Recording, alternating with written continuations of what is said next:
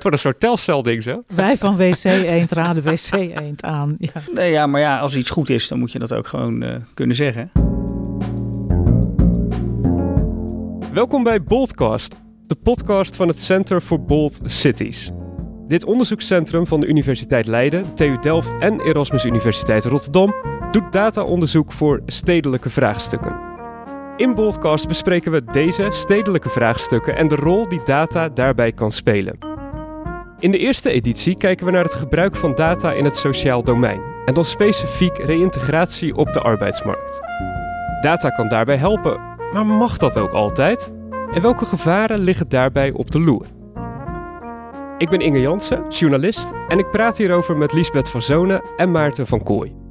Liesbeth is wetenschappelijk directeur bij Center for Bold Cities en Maarten strategisch adviseur werk en inkomen bij de gemeente Rotterdam.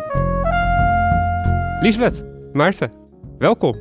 Dankjewel. Dankjewel, hallo. Maarten, laten we bij jou beginnen. Je bent strategisch adviseur werk en inkomen bij de gemeente Rotterdam in de notendop. Wat houdt dat in? Ik adviseer uh, met name de wethouder en de directie van het cluster werk en inkomen over ja, vraagstukken die gaan over uh, de onderkant van de arbeidsmarkt.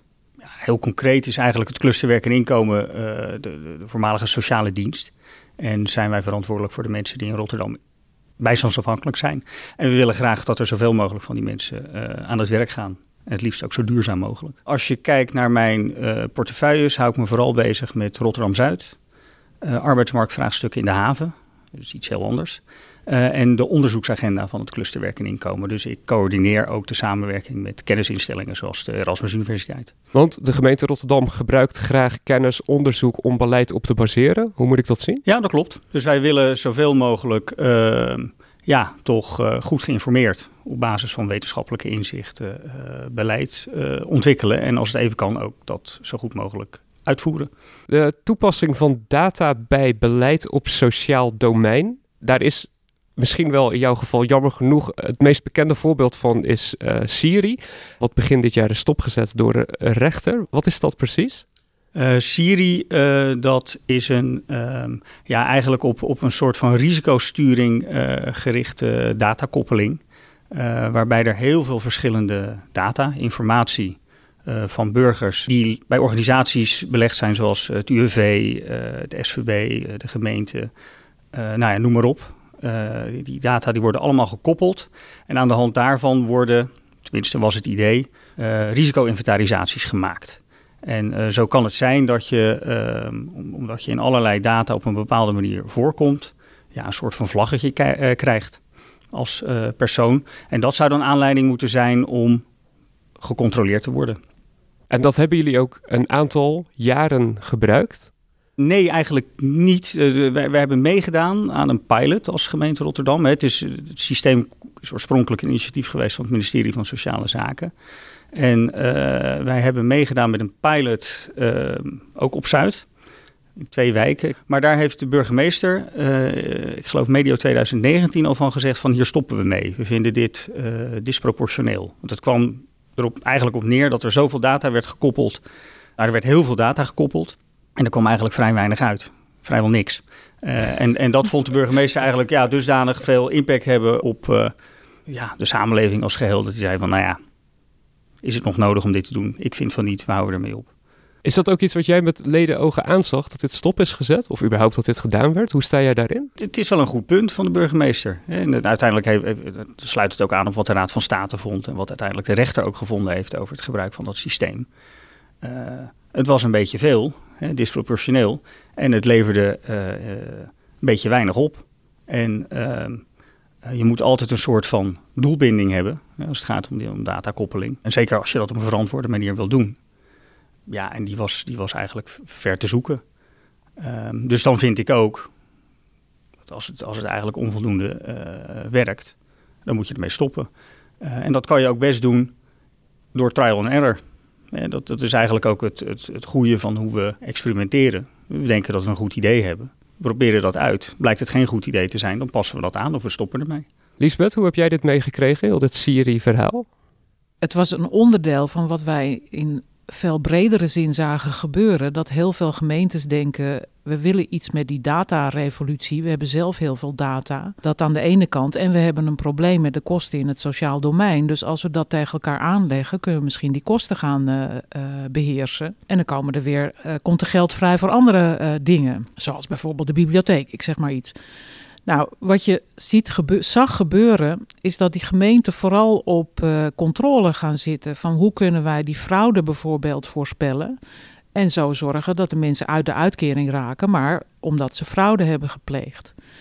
En wij hebben als onderzoekscentrum uh, in die beweging gezegd: het zou ook wel interessant zijn om te kijken of je die data kan koppelen, zodat je een betere dienstverlening aan mensen in de uitkering uh, kan opzetten. Dus onze vraag is eigenlijk echt diametraal anders. Het is niet van hoe kan je mensen controleren, maar hoe kan je mensen helpen? En ons uitgangspunt was van als je bij de Weekamp of bij de Bol koop je een Ajax t-shirt. En vervolgens uh, de volgende keer dat je inlogt, zegt hij wil je ook een Ajax dekbed. En zegt hij dus niet wil je een Feyenoord dekbed. Dat krijg je dan gewoon niet. Nou, dat zou je... een heel opmerkelijk voorbeeld. Nou ja, nee, dat is maar wel een voorbeeld waarmee je kan uitleggen wat je kan doen met die datakoppeling. Hè. Dat, uh, uh, want, want een van de onderdelen van ons onderzoek was ook om dit met uh, de burgers aan de onderkant van de samenleving te bespreken. Van wat gebeurt er eigenlijk als jouw data gekoppeld worden? Nou, dan moet je dus wel een heel simpel voorbeeld hebben. Dat zou je in de uitkeringssituatie ook moeten kunnen doen. Dat je zegt, um, mevrouw X met deze kenmerken uit plaats I of wijk zoveel. Die heeft de volgende uh, hulpmiddelen gehad van de bijstand. En die is nou aan het werk. Nou, u lijkt heel erg op mevrouw X, dus gaan we met u precies hetzelfde doen. Dat kan je ook uh, als je die data gaat koppelen. Dus wij hebben daarop ingezet. Kan je met die uh, voorspellende statistieken op basis van CBS-gegevens en gemeentegegevens, kan je dan veel meer maatwerk in die interventiestrategieën maken. Dat was eigenlijk de inzet. Het is op twee manieren anders dan, dan wat Siri doet of wat al die andere fraudeprojecten hebben gedaan. Dus ten eerste dat we naar de dienstverlening uh, op zoek zijn gegaan. En ten tweede dat we ook aan uitkeringsgerechtigden hebben gevraagd: wat vind je er nou eigenlijk van dat jouw data op deze manier gebruikt worden. Dus het was in die zin echt wel een heel ander project. Maarten, jullie zijn een van de gemeenten die hier aan meegewerkt hebben als partner om te kijken hoe werkt dit allemaal. Wat was voor jullie de aanleiding om dit te gaan? Want ik kan me voorstellen door Siri dat je er ook een beetje huiverig voor bent als er al een keer een project met data gestopt is, dat je denkt, nou laat dat maar even, al die dataprojecten. Ja, dat zou je kunnen denken. Um, alleen is het natuurlijk wel zo dat ja, die data kan dus ook heel veel opleveren nou ja, wat Lisbeth net ook al zei, je kan data gebruiken om, om te controleren, om, om te handhaven. Uh, maar je kan het ook inzetten om, om dienstverlening uh, te verbeteren. En nou ja, vooral dat laatste, dat, dat, is, dat is eigenlijk altijd een heel actueel vraagstuk. Uh, of het is op dit moment een actueel vraagstuk van, van ja, hoe geven wij onze dienstverlening het beste vorm voor die mensen die in de bijstand zitten. Was er ook echt een probleem bij jullie of zagen jullie een kans? Het is vooral een kans. Kijk, het, het probleem is dat we um, altijd moeten uitkomen met de middelen die we krijgen. Nou, dat doen we eigenlijk in Rotterdam de afgelopen jaren heel, heel aardig. De targets die we gesteld hebben in, in termen van mensen laten uitstromen uit de uitkering naar werk, ja, die halen we ook. Um, maar het kan altijd beter. Hè. En wat wij vooral ook zagen is dat een grote groep mensen die nou ja, lang, langer in de bijstand zit, ja, dat daar toch zoveel mee aan de hand is qua problematiek dat je ook niet met goed fatsoen van ze kan verlangen dat ze gelijk aan het werk gaan. En om daar meer grip op te krijgen, hadden we gedacht van, nou ja, wij hebben data over die mensen. Uh, bij het CBS uh, is ook heel veel data uh, beschikbaar over die, over die mensen. als we die data kunnen koppelen op een verantwoorde manier, krijgen we dus meer zicht over hoe die groepen of hoe die mensen precies in elkaar zitten en met wat voor problemen ze allemaal worstelen ja, de stelling daarbij is dan van ja, als je die problemen beter in beeld hebt en je informeert ook de werkconsulenten uh, op een goede manier over hoe ze met de aanpak van die problemen om moeten gaan, ja, dan vergroot je dus de kans dat die mensen stapje voor stapje toch steeds dichter bij nou ja, maatschappelijke participatie of, en dat is het hoogste doel, regulier betaald werk uitkomen. Je zei het er net in een bijzin, jullie koppelden die data op een verantwoorde manier. Wat moet ik me daarbij voorstellen? Eh, dat is een heel ingewikkeld vraagstuk hoe je dat doet. Uh, maar simpel gezegd heeft het CBS heeft daar gewoon regels voor, voor hoe je dat doet. Uh, en die hebben we gevolgd. Dat betekent dat je, um, nou zeg, wij zitten hier met z'n drieën. We zitten in allerlei databestanden. Stel dat we elkaar 1, 2, 3 noemen. Uh, en weghalen dat jij Inge bent en ik Lisbeth en uh, dat is Maarten. Dus dan gaan we 1, 2, 3 in die databestanden opzoeken en dat koppelen we dan aan elkaar. Dat heet dan pseudonymiseren. Je kan op basis van al die gegevens en de codes kan je natuurlijk terugvinden over wie het gaat. Maar het CBS heeft daar hele um, specifieke gevalideerde methoden voor, waardoor dat dus in feite niet kan. En wij als onderzoekers dus hebben ook regels voor hoe we bij die data mogen. Jij geeft nu antwoord voor Maarten. Hoe moet ik dit precies zien? Jullie hebben dit uitgevoerd voor de gemeente? Nou, dat is nog wel iets om, om uh, belangrijks om te zeggen. Kijk, er, was, er is vanuit allerlei instanties, dus de overheid, uh, wetenschappelijke fondsen, de gemeente zelf, is een behoefte om uit te vinden wat moeten we met die datarevolutie. Dus iedereen begint ons ook te bellen van wij willen iets met big data. Uh, kunnen jullie dan iets voor ons doen?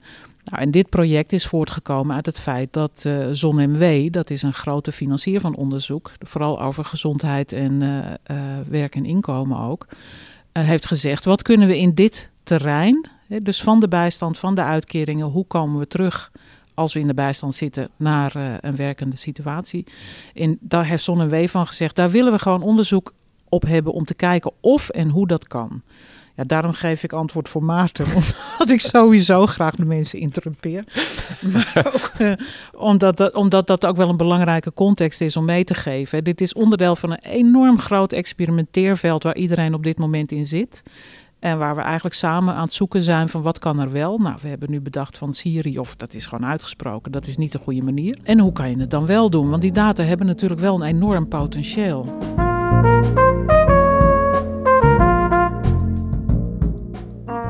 Wat zijn de belangrijkste dingen om op te letten bij dat verantwoord gebruik? Want we hebben, je, noemde CBS als voorbeeld wat voor regels zij hebben. Maar je hebt natuurlijk ook de, ja, het gaat over mensen, het gaat over ambtenaren, het gaat over heel veel schalen, mensen, dingen, objecten.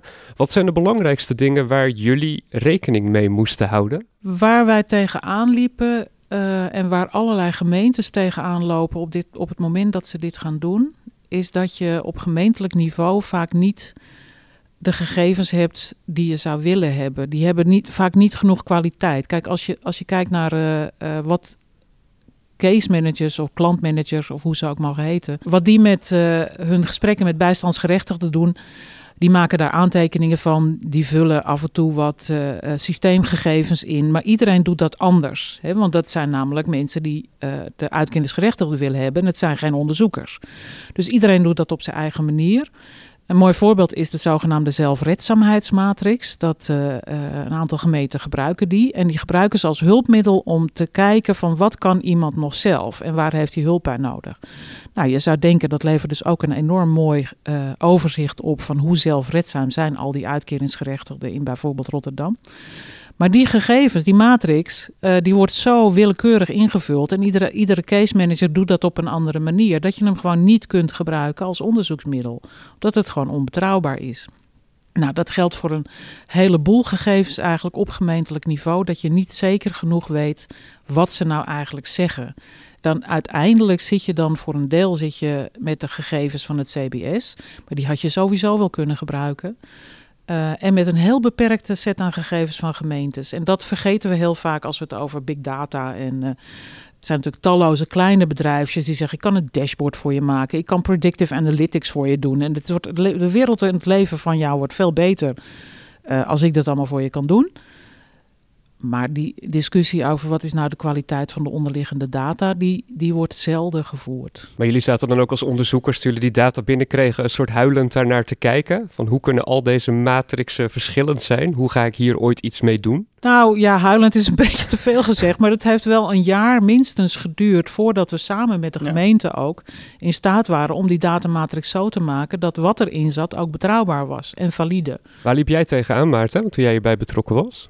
Nou ja, precies dit eigenlijk, alleen dan vanuit een ander perspectief. Die datarevolutie, de verwachtingen zijn enorm hoog gespannen als het gaat om big data en wat je er allemaal mee kan. En uh, vooral bij uh, bestuurders en, en uh, directeuren, managers.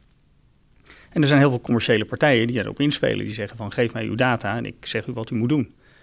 Ja, op het moment dat je beter naar die data gaat kijken, dat geldt voor ons als gemeente al, hè, van, ja, als je de bijstandswet uitvoert, dan leg je data vast uh, om de rechtmatigheid van de uitkeringsverstrekking te bepalen. En je legt hem vast, je legt data vast om de doelmatigheid van de uitkering te, te, te bepalen. Dat is het. Je legt geen data vast om verantwoord wetenschappelijk onderzoek te doen. Nou, in het beste geval wordt de data dan ook nog gebruikt om ja, de organisatie en de medewerkers aan te sturen. En dat lukt dan ook vrij aardig. Maar dan nog zit je nog niet in de buurt van data die kwaliteit genoeg heeft om daar verantwoord wetenschappelijk onderzoek uh, mee te doen. Terwijl die verwachtingen daaromtrent wel enorm hoog gespannen zijn. Dus ja, wij hebben eigenlijk ook met dit uh, project een, een omgeving willen creëren waarin we met elkaar, en dat is ook wel echt het goede geweest van die samenwerking, dus samen met wetenschappers uit verschillende disciplines en met mensen van de gemeente uit verschillende organisatieonderdelen, dat we samen ja, toch echt een jaar de tijd genomen hebben om grip te krijgen op die data. Van ja, waar zitten we nou eigenlijk tegenaan te kijken en wat kunnen we er vervolgens mee? Uh, dat was niet zozeer een uh, proces van uh, veel gehuil en, en, geschreeuw, zou ik maar zeggen. Maar wel echt iets wat, wat was explorerend in die zin. En dat is natuurlijk een werkwijze die zich ook niet zo goed verhoudt tot het gemeentelijke wereldbeeld. Hè. Dat heb je te maken met een wethouder. En, en, er moeten gewoon dingen gebeuren. Er moeten dingen gedaan, ja, geregeld worden. De verwachtingen zijn, die, die, die, zijn er, de belofte is er. we gaan dat gewoon regelen.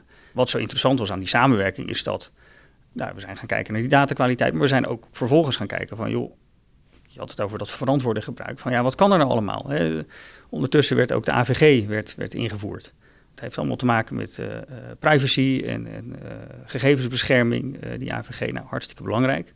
Maar niemand weet precies hoe je die AVG nou moet toepassen.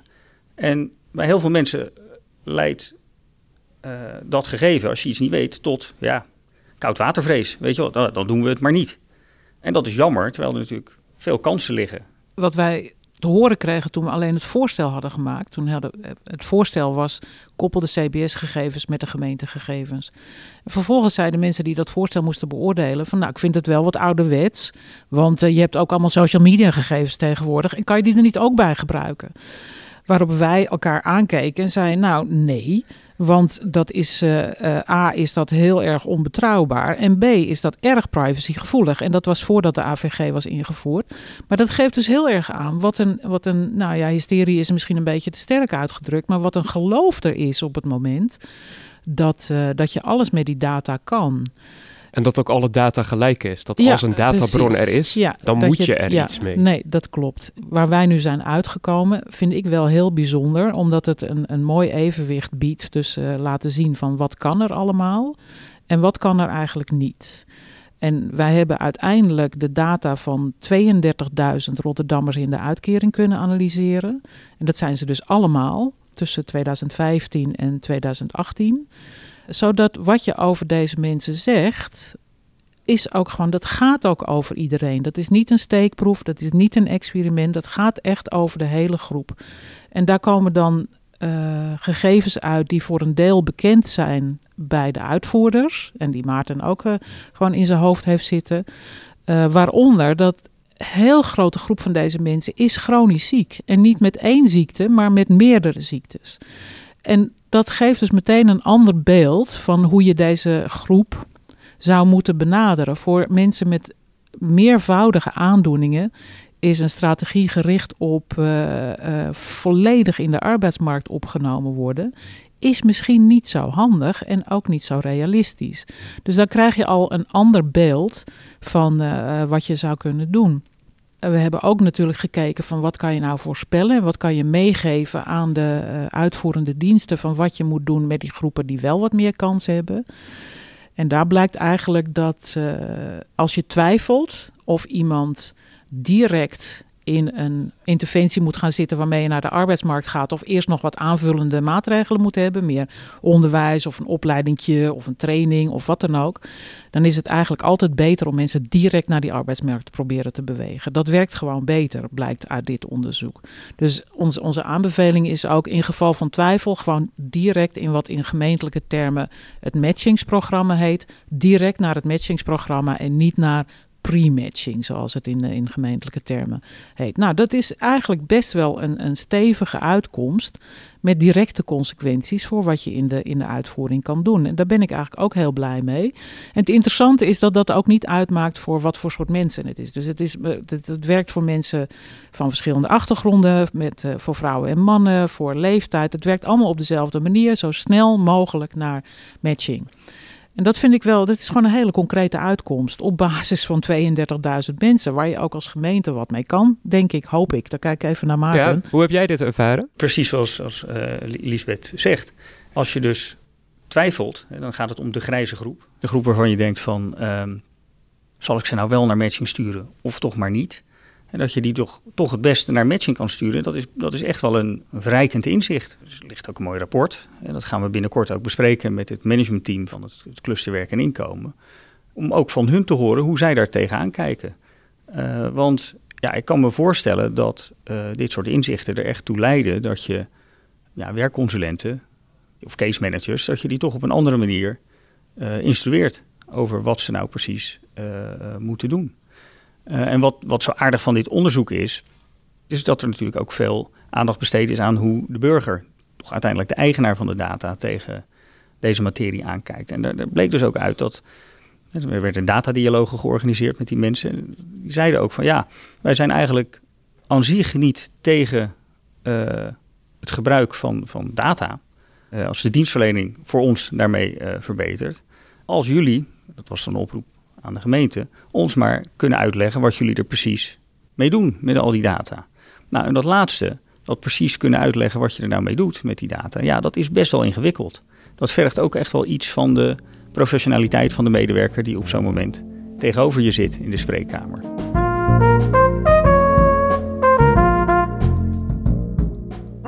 Hoe hebben jullie dit aangepakt? En jullie gebruiken cijfers voor beleidsrationalisatie en het zijn extreem veel parameters en databases. En dan zit gewoon iemand die uh, arbeidsongeschikt is. Hoe, hoe, hoe overbrug je ooit die kloof om dat uit te leggen? Nou ja, kijk, jij zegt nu al van die arbeidsongeschikte is.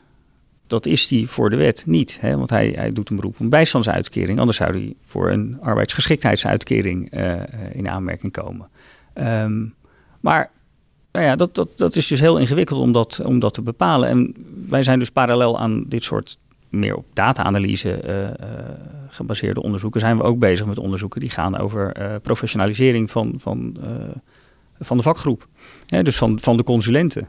Want dat is ook een heel interessant fenomeen. Er is eigenlijk geen landelijke standaard voor wat een consulent die werkt in het domein van werk en inkomen moet weten en kunnen dus als jij iemand bent met een uh, mensbeeld wat uh, meer gericht is op handhaving en controle, dan, mag je, dan, dan mag je daarmee aan de slag. Ben jij meer een zorgverlener, dan kan je dat ook prima in je werk integreren. En ben jij meer iemand die zichzelf ziet als een matchmaker, kan dat ook. En in de praktijk sorteert zich dat natuurlijk in een grote organisatie als Rotterdam best uit. Dus je hebt afdelingen die meer van de zorg zijn en afdelingen die meer van de matching zijn. maar dat is allemaal wel heel, ja, bijna per ongeluk dat dat gebeurt.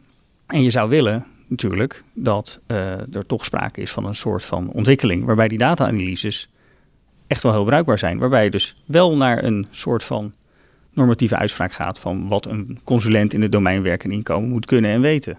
Nou ja, dat is ook het mooie van, van dit onderzoek. Dat uh, omdat we ook met die uh, hebben gesproken, in die datadialogen krijg je ook een veel breder beeld van wat er aan de hand is in die, uh, in die uitvoering. Dus wij vroegen aan, die, uh, aan de mensen van wat vind je eigenlijk van privacy en, en wat, wil je, wat, wat zijn je ervaringen met het gebruik van jouw gegevens door de gemeente. Het antwoord wat ons het meest verbaasde is dat de mensen zeiden: Nou ja, die privacy, de gemeente weet toch alles al van ons. Dus dat kan ons eigenlijk niet zoveel schelen. Maar we zijn veel meer geïnteresseerd in van wie mag er eigenlijk in mijn data kijken. Waarom moet ik drie keer hetzelfde verhaal vertellen als ik al weet. Ja, op het scherm staat dat verhaal gewoon. Dus waarom moet ik het dan nog een keer vertellen? En dan merk je ook dat een, een case manager, die is vol goede wil. Dus die zegt, vertel het mij nog een keer in je eigen woorden, want dan heb ik een beter beeld. Nou, hartstikke sympathiek. Maar niet voor degene die dat voor de zesde keer moet vertellen en voor wie dat een pijnlijk verhaal is. Dus je ziet door die datadialogen um, krijg je ook een veel rijker beeld van wat er nog meer aan de hand is met die data in het sociaal domein. Hè? Dus de, de, de, de hype is een beetje, we kunnen daar alles mee. Maar dat is heel erg vanuit het systeem gedacht. En wat wij daaraan toegevoegd hebben, is vanuit de leefwereld van uh, de mensen zelf denken van nou, hoe maak je nou een pakket wat zowel voor het systeem werkt als voor die mensen zelf goed werkt. Nou, dan heb je een beeld van hoe dat zou moeten. En dan praat je met Maarten. En dan uh, krijg je ook een beeld van hoe ingewikkeld dat wordt. Ja, want het klinkt nu bijna als de heilige graal. Dat je, je gebruikt en data en je gebruikt een menselijke component. En je kijkt hoe je het kunt vertalen naar beleid. Hosanna. Er zullen hier toch ook problemen bij komen kijken. Jullie gaven het eerder al aan dat het data verzamelen heel erg complex is. Maar bijvoorbeeld dat vertalen naar beleid, hoe weerbarstig is dat, Maarten? Het vertalen naar uh, beleid lukt nog vrij aardig. In een, in een, zeker in een grote organisatie als die van Rotterdam. Omdat daar voldoende mensen werken die nou ja, dat kunnen. Als je in een kleinere gemeente werkt, dan, dan wordt het toch ingewikkeld. Maar wat je natuurlijk ziet is dat uh, dat sociaal domein heel ingewikkeld is georganiseerd. En dat er heel veel verschillende uh, wetten, die allemaal toch wel het leven van één individu kunnen raken, uh, tegelijkertijd bij de gemeente binnen zijn gekomen. En de gemeente dat met de bijbehorende budgetten ja, in een soort van organisatiemodel is gaan zetten. Waarbij het niet vanzelfsprekend is dat al die organisatieonderdelen met elkaar communiceren over nou ja, hoe ze die wetten uitvoeren. Terwijl het vaak wel dat ene individu of dat ene gezin kan raken. Nou, dan moet je denken aan de WMO, aan de jeugdzorg, aan de bijstand. Hè. Dat, dat is de decentralisatiegolf geweest van, van een aantal jaren geleden. En daar kan je heel goed beleid op ontwikkelen, maar dat wil nog niet zeggen dat het op die manier wordt uitgevoerd. En vooral uh, uh, die, die uitvoeringscomponent, hè, dat, wat er gebeurt op het uh, street level niveau, hè, zoals dat dan heet, ja, dat is best ingewikkeld. En dan zie je ook een enorme diversiteit van, van, van ja, allerlei mensen die echt van goede wil zijn. Uh, want, niemand bij de gemeente Rotterdam staat op met de gedachte van nou, hè, wie ga ik nou vandaag weer eens uh, dwars zitten. Uh, maar het is gewoon heel complex. En het omgaan met die complexiteit is misschien wel het, het, het moeilijkste wat er is voor zo'n uitvoerende organisatie. Het eerste waar je natuurlijk aan denkt, bij, zeker ook vanwege de ervaringen met Siri, zijn natuurlijk ook de privacy-aspecten die hierbij komen kijken. Heeft dat nog op een moment een probleem veroorzaakt? Dat jullie misschien zonder het zelf door te hebben een bepaalde grens overgestoken waren? Wij hebben met uh, drie verschillende kaders te maken als het over die privacy gaat. Uh, dat zijn de kaders van het CBS. De CBS heeft gewoon wettelijke richtlijnen hoe ze met hun eigen data moeten omgaan. Het zijn de kaders van de gemeente Rotterdam. Dat zijn ook privacyrichtlijnen hoe je met gegevens van, uh, nou, met gemeentelijke gegevens moet omgaan. En we hebben dan ten derde ook nog de academische gemeenschap, die allerlei ethische commissies heeft. En wij zijn, uh, omdat we met het Erasmus Medisch Centrum hier hebben samengewerkt, zijn wij gebonden aan de medische ethiek. Dus wij zijn door drie controles heen gegaan. Het kon niet verkeerd gaan. Dat zeg ik niet, maar het is wel meer dan uh, uh, in andere situaties vaak het geval is. En daarnaast hebben wij gezegd, we gaan ook met die uitkeringsgerechtigden praten over wat vind je nou van hoe er met jouw data omgegaan wordt. Dus we hebben ook de datasubjecten, zoals dat dan heet zelf hebben we erbij betrokken. Ja, en de, halverwege kwam die AVG kwam langs. Maar omdat we al door die drie kaders heen gegaan waren, hadden we daar eigenlijk geen last van. Hebben jullie er wel last van gehad dat jullie soms merkten, ach, waren die privacywetgevingen maar iets flexibeler, dan hadden we zoveel meer nuttigs kunnen doen? Nee, nee, absoluut niet. Nee, nee. nee nooit dat je dacht. Nee, want de dataproblemen, zal ik maar zeggen, die zaten niet in de privacy, die zaten in de kwaliteit van de data. Dus het was heel fijn geweest als bijvoorbeeld zo'n zelfredzaamheidsmatrix of uh, de gespreksverslagen, als die voldoende betrouwbaar waren geweest om mee te nemen in het onderzoek. Want dan krijg je een veel rijker beeld van om welke mensen het nu gaat. Kijk, nu weten we die mensen, een aantal mensen heeft meervoudige uh, ziektebeelden. Maar we weten niet hoe ze in het leven staan, bij wijze van spreken. Nou, je zou kunnen denken dat haal je uit zo'n zelfredzaamheidsmatrix of dat haal je uit die gespreksverslagen. Maar ja, voor een aantal mensen wel en voor een aantal mensen niet. En voor, voor ook heel veel mensen op een verschillende manier. Dus dat kan je gewoon niet gebruiken. Dat is eigenlijk het grootste probleem waar we tegenaan liepen. Niet die privacy aspecten, maar de, de aspecten van de datakwaliteit.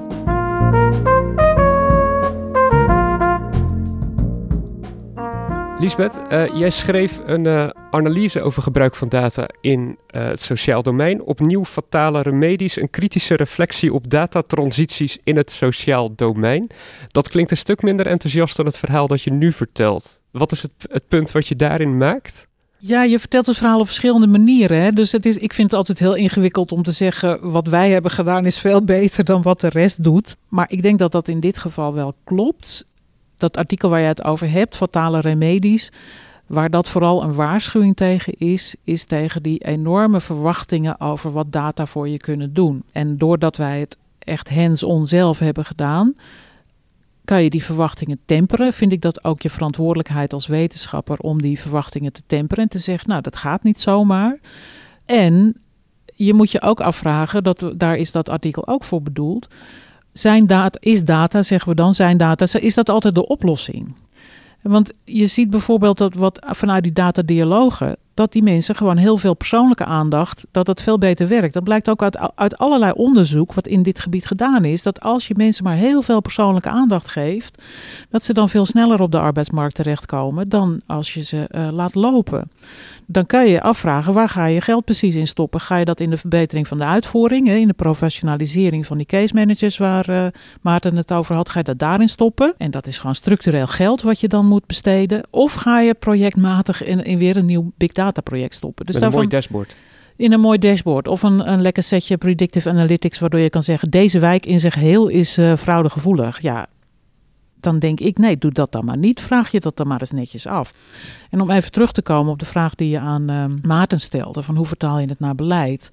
En dit klinkt wel een beetje als de holy grail van zo moet het. Het is maar een heel klein deel wat wij hebben gepakt. En die uitkeringssituatie is. Uh, er zijn ook werkgevers bij betrokken. Nou, daar hebben wij het helemaal niet over gehad, over werkgevers. Er zijn ook landelijke uitkeringsinstanties bij betrokken. Hebben we het eigenlijk ook nauwelijks over. En het is natuurlijk een politieke kwestie van heb ik jou daar? Want je kan met al je gegevens laten zien, deze mensen of een, een grote groep in, in deze situatie uh, zijn meervoudig ziek. Dus Misschien moet je ze op een andere manier als overheid ondersteunen dan dat we gewend zijn te doen. Dat is gewoon een politiek gesprek wat je moet voeren. En, en daar wou ik in dat artikel ook wel een beetje aandacht voor hebben. Van dat je met data alleen los je het gewoon niet op. En als je dat denkt, dan kom je echt in een hele hoop ellende terecht. En dat zien we ook uit allerlei buitenlandse voorbeelden. Dat heet dan de, de automatisering van de armoede, zal ik maar zeggen. En hoe mensen door dit soort uh, technieken eigenlijk nog slechter af zijn dan ze daarvoor waren. Amerikaanse voorbeelden, hoe ineens uh, door gewoon datafouten uh, eh, 2 miljoen mensen in één klap uit de uitkering gaan. Ja, dat moeten we gewoon helemaal niet willen. Daar moeten we heel voorzichtig mee zijn. En daarom heb ik wel een vrij kritisch uh, stuk daarover geschreven. Ja.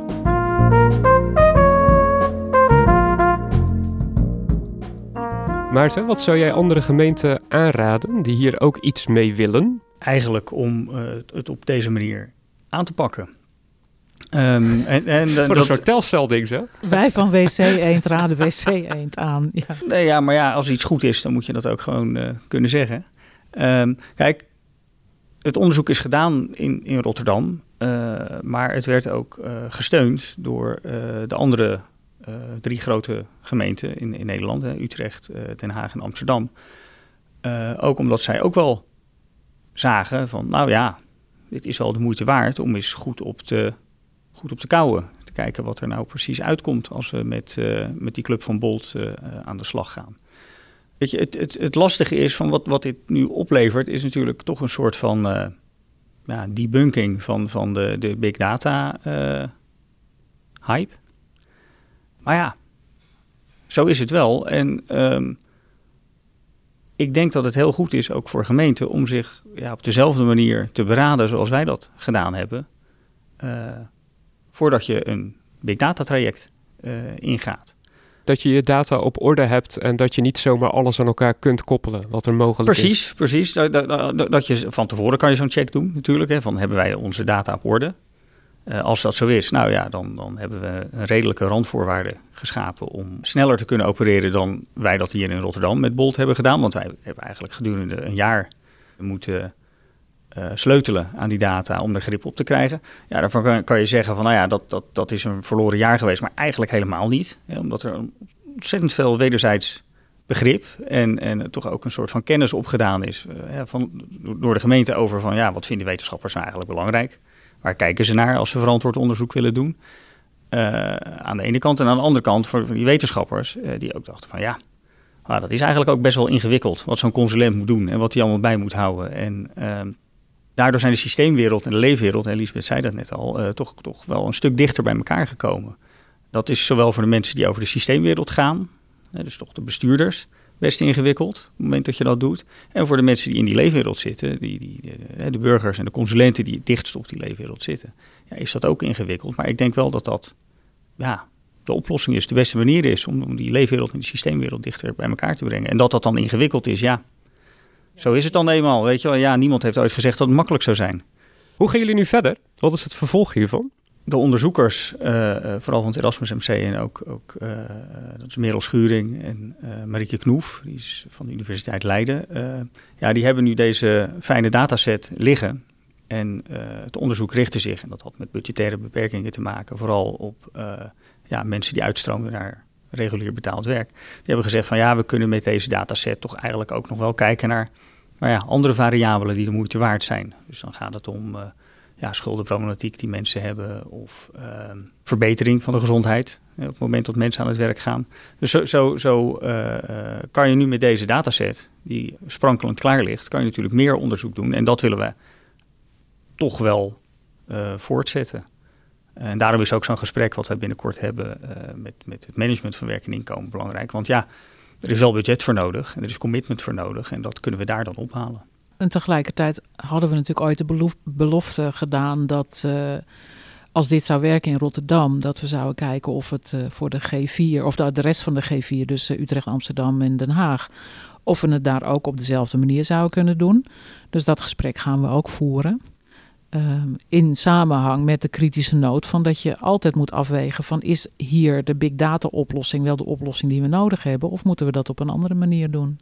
Als laatste, we zitten over vijf jaar, zitten wij met z'n drieën hier weer bij elkaar. Dat ga ik zo inplannen. Hoe staat het er dan voor, Maarten? Hoe werkt deze gemeente dan qua data en sociaal domein?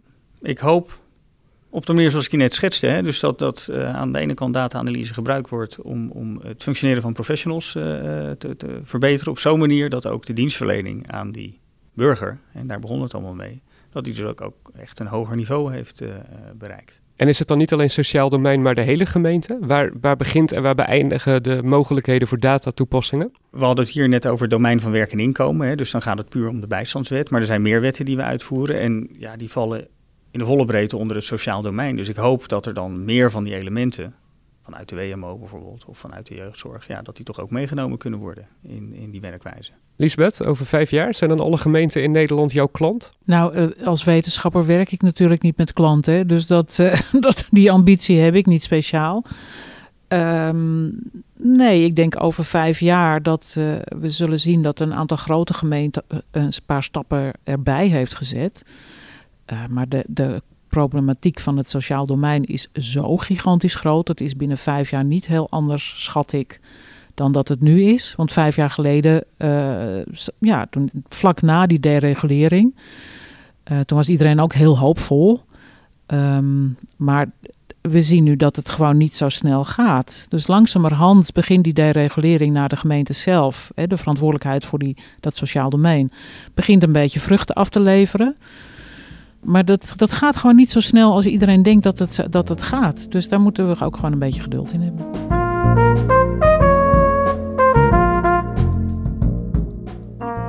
Daarmee zijn we aan het einde van deze eerste editie van Boldcast, de podcast van het Center for Bold Cities over dataonderzoek voor stedelijke vraagstukken. Je hoorde Liesbeth van Zolen, wetenschappelijk directeur Center for Bold Cities, en Maarten van Kooi, strategisch adviseur werk en inkomen bij de gemeente Rotterdam.